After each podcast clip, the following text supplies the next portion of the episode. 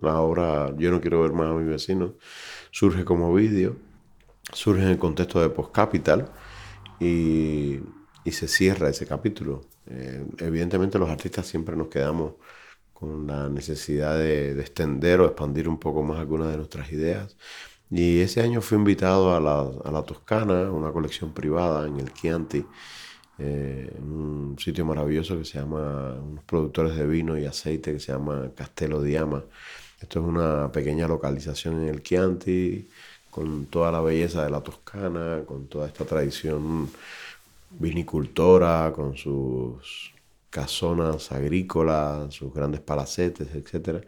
Y ellos eh, son unos grandes mecenas de, arte, estas personas de la Toscana, Marco y Lorenza, ¿no? Los Castelo de Ama en sí mismo. Y ya tenían una colección, estaban formando una colección donde tenían obra de Daniel Buren, eh, obra de Chen Sen, Anish Kapoor, eh, Pistoleto, Miguel Ángel Pistoleto. Es un proyecto en colaboración con artistas que, también trabajan con la galería continua. De hecho, era un, proyecto llevado por mi galería. Cuando me invitan a, la Toscana, que fui a ver el paisaje, si el paisaje toscano está atravesado, sus campos sembrados, está atravesado por líneas que separan los campos. Si lo miras en la distancia, te encuentras esos límites entre pequeños campos. Es una manera de construir que tienen además su, su, tierra, ¿no? sus campos, ¿no? Para, digamos, pasan casi en todos los lugares que, se dedican al vino y al, pasan el PND, y pasan en todos estos sitios donde están divididos los campos de, olivas con los campos de, uvas, etcétera, ¿no? Y es muy atractivo. Entonces me dieron un espacio enorme, un espacio de unos cuantos miles de metros en pleno campo mirando a todo este paisaje. Comencé de hecho a desarrollar un proyecto diferente, comencé a desarrollar una serie de, piezas de mesas, un poco más íntimo, un poco más relacionado con el paisaje, con algunas propuestas urbanas que a mí me interesan también, pero digamos una obra menos eh, invasiva políticamente, una obra más eh, atractiva para el paisaje, si se quiere, inspirado por el sitio que es maravilloso, inspirado por la obra de, los otros artistas. Y eh, mm, recuerdo cuando llegué al sitio por segunda vez, estuve ya dibujando esta serie de obras y los muros y me daba cuenta que lo que quería hacer era pues volver sobre la idea del muro, es decir, donde quiera que había un límite en el campo, quería levantar un muro político pequeño, de pequeña escala, con la idea de que los campesinos cabalgaran los muros y que fueran reírme un poco de la idea ya del, muro político. Es decir, si los muros son lugares intransitables, incabalgables, pues yo quiero hacer estos muros maquetados de modo que los campesinos todos los días puedan pasar de un campo al otro y que no haya fronteras en, este espacio. Eh, llegué a, la Toscana a hablar con, esta, con estos productores con estos coleccionistas y mecenas, etcétera, ya con las ideas anteriores hechas, ¿no? Pero no podía quedarme con aquello por dentro y le dije, mira, voy a ser sincero, lo que, lo que yo quisiera hacer es esto otro, no es... Pero como dije, bueno, tienes una idea que tiene este impacto, es realmente trasciende la idea de, paisaje y belleza pura, sino que se, se, quiere meter en otra historia política y social. Que, y yo tenía conmigo el vídeo de, hecho, fue lo que vendió la idea final fue el vídeo de, este que tienen ustedes en el mapa, ¿no? de Post Capital. Y mira, vamos a verlo y les cuento un poco la idea. Sencillamente construir todos estos muros políticos a, una escala pequeña. Entonces, mira, bueno, lo único que podemos hacerlo, nos interesa mucho la idea. Si cambiamos completamente de planes. nos gusta la idea, lo único que no puede hacer en el campo directo porque la tierra toscana está completamente protegida por la es como un, es un producto de, de, la zona, no se puede tocar, no se puede construir, dañaría. Pero te podemos dar este campo completo y vamos. Acto seguido que vimos el vídeo, digamos, pues cogimos cuerdas y empezamos a trazar el territorio de, estos muros, ¿no? Y así surgió la obra. Surge, mm, digamos, como un producto segundo del vídeo, del filme, de la idea, pero realmente tiene la, una obra impactante, ¿no? muy grande, tiene una cantidad de metros, tiene esa, esa cosa del juego, esa cosa física. Que un poco está detrás de mi obra siempre, ¿no? Esa cosa de, poder encontrar elementos que discurren y discuten situaciones, digamos, muy intensas socialmente y políticamente, pero las llevan al plano del juego, al plano de, la construcción de un espacio más lúdico, y que de alguna manera le quita o le aparenta eh, quitarle la intensidad que tiene, ¿no? esa idea de tratar de, de pensar, de criticar, de posicionarme ante una situación social extrema o política extrema y realmente tratar de poner la cara más, más buena detrás de esta discusión para, yo pienso que es un mecanismo también de poder comunicar más fácilmente. ¿no? Los vídeos se han presentado mucho. De hecho, cuando cuando el Magba lo compra, lo compra porque gana un premio en Barcelona, en Loop. Yo creo que lo compra, el Magba lo compra en el 2008, porque ya yo viví en, Madrid. Ya me había mudado para acá y de hecho me acuerdo que cuando yo me mudé para acá con unos amigos abrimos un bar en, eh, aquí en Santa Bárbara y no teníamos nada puesto en las paredes, lo único que teníamos era una pantalla que ponía vídeos de artistas todo el tiempo. Y ese vídeo se pasaba en el bar, era uno de los vídeos que pasaba constantemente, en el loop de todos los vídeos que teníamos. Y, vino alguien al bar, me dijo, oye, he visto que has ganado el premio en Barcelona con tal o una obra. Y le dije, bueno, sí. Yo que no me considero ni videoartista, ni mucho menos, pues he tenido el ¿sabes? La gratificación de ganar esto. Y me dice, ¿qué vídeo? Y le digo, bueno, es verlo, ahí estaba comiendo en el bar. Me decía, bueno, pero es un vídeo de bar. Y le dije, bueno, sí, es, es lo que hay, ¿no? Eh, realmente siempre he tenido mucha, mucho interés en la curaduría. De muy joven hice proyectos, algún que otro proyecto ha sido muy importante para la historia de, de mi generación de artistas, ¿no? Y el arte cubano.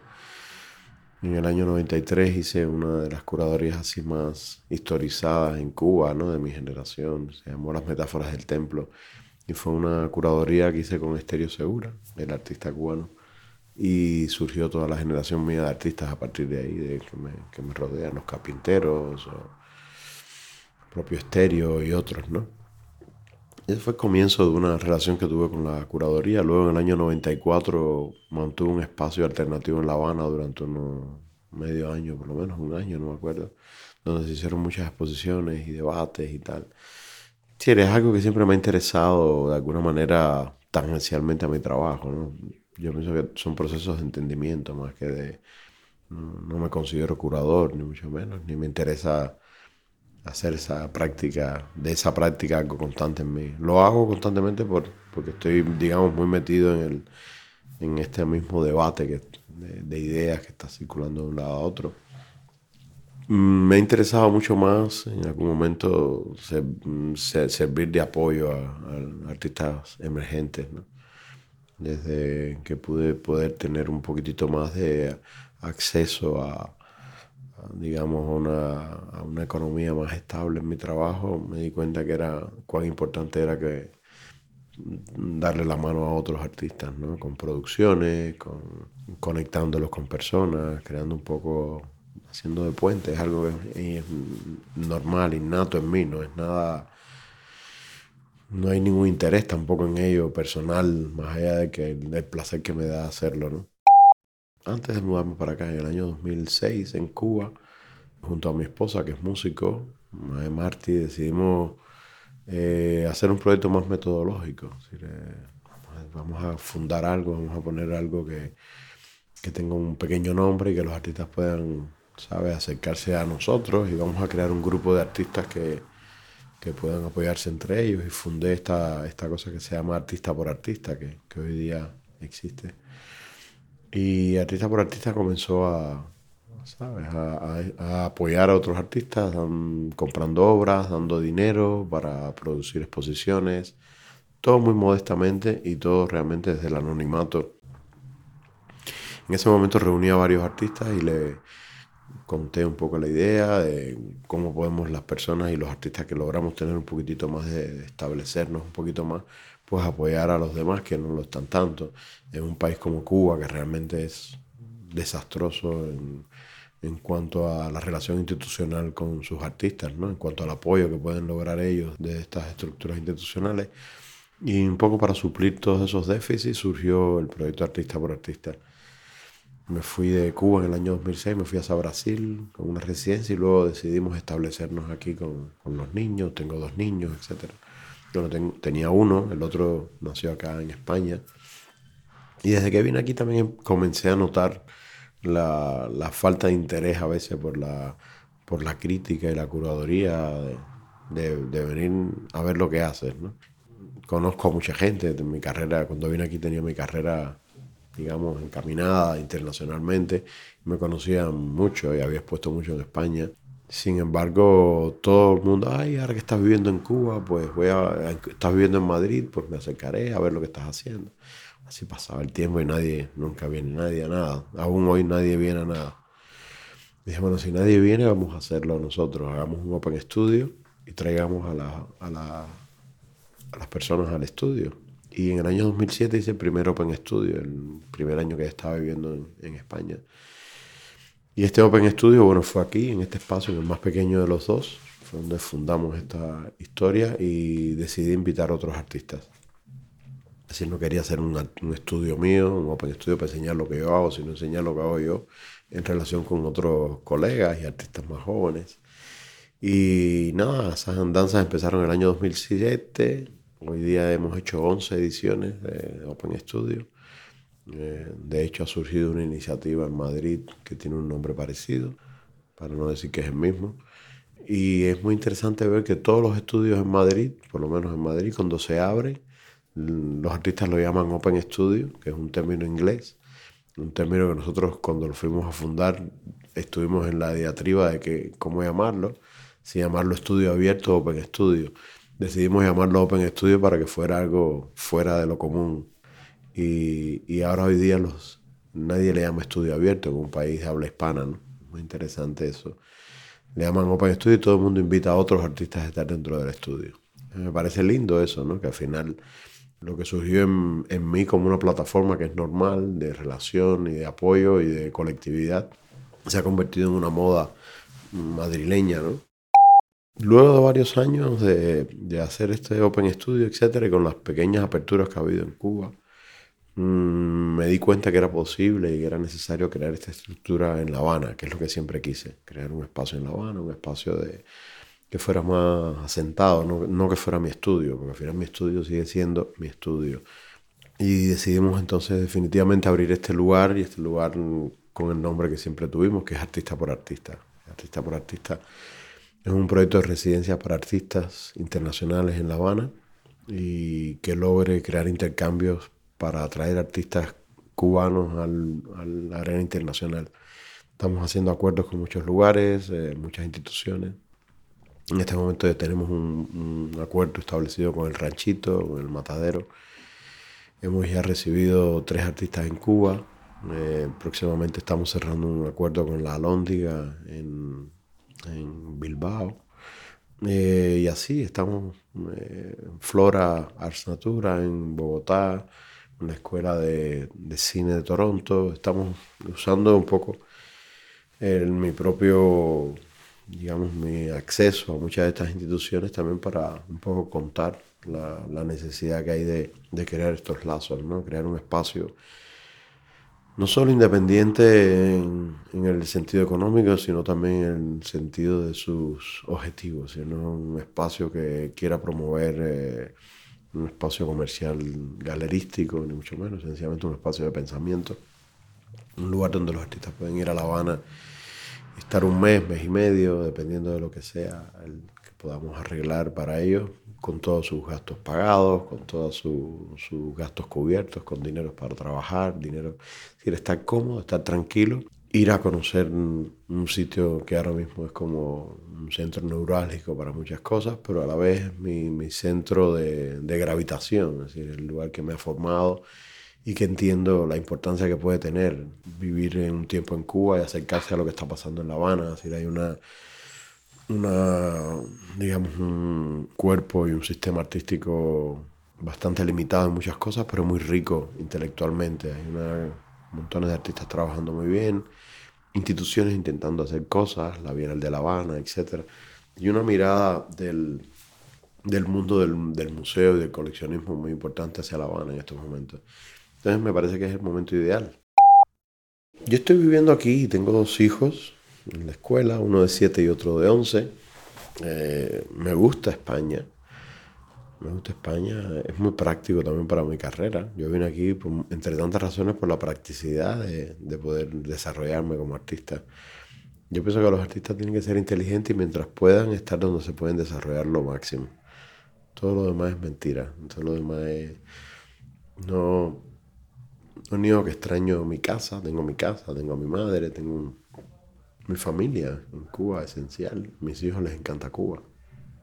Cuba está cambiando. Veremos qué ofrece en los próximos tiempos, ¿no? En los próximos años. Eh, yo no estoy para nada cerrado. Yo estoy yendo más a Cuba que antes.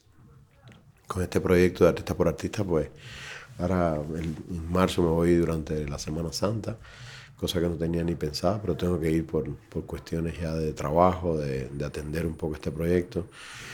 Mi estudio sigue trabajando allí, yo me, voy siempre en el verano y me voy fin de año, me voy tres meses al año por lo menos a Cuba. Eh, aprovecho para, para desarrollar muchas cosas allá con mi equipo. Todos mis arquitectos, mis maquetistas están allí, así que voy y desarrollo gran parte del itinerario que nos tomará el año. Lo concretamos en tres meses que voy a La Habana entre el año pasado y este estaba yendo mucho más. No puedo ni, no me, no, no, no miro los futuros, no planifico nada. Yo pienso que el, la vida no se puede calcular tanto, ¿no? De hecho, nunca pensé que iba a vivir fuera y estoy viviendo hace nueve años fuera. Eh, de todos modos, me siento muy cercano a Cuba. Me siento con el pie allí en, La Habana. De hecho, eh, desarrollar este proyecto y haber mantenido mi estudio en La Habana y me he mantenido exhibiendo, participando en las bienales, etcétera. Es decir, me da la, la fuerza que te da el país de alguna manera también, que te, no dejas nunca de ser parte de él. Y ahora con este proyecto yo creo que, nada, que mi intención verdadera es ser parte de la dinámica cultural del país, ser parte del cambio de alguna manera. No, me, me interesa ser parte de ello, no estar fuera del asunto, eh, aportar mi mirada, que mi mirada, como quiera que sea, es una mirada también foránea, una mirada formada dentro y afuera, que entiendo de alguna manera el sistema bastante y, creo que tengo algo que decir ahí, tengo algo que aportar al... Como también me siento muy responsable aquí, en España. cuando hago el Open Studio, de aquí se apoyan tantos artistas españoles también, que hemos estado trabajando con ellos cercanos, ¿no? Y para mí es como parte natural de, de si, si, si, hay alguna misión en el arte, aparte de hacerlo, pues como individuo, como ciudadano, me gusta ser parte de, la, de, de lo que sucede en el contexto que me muevo, ¿no?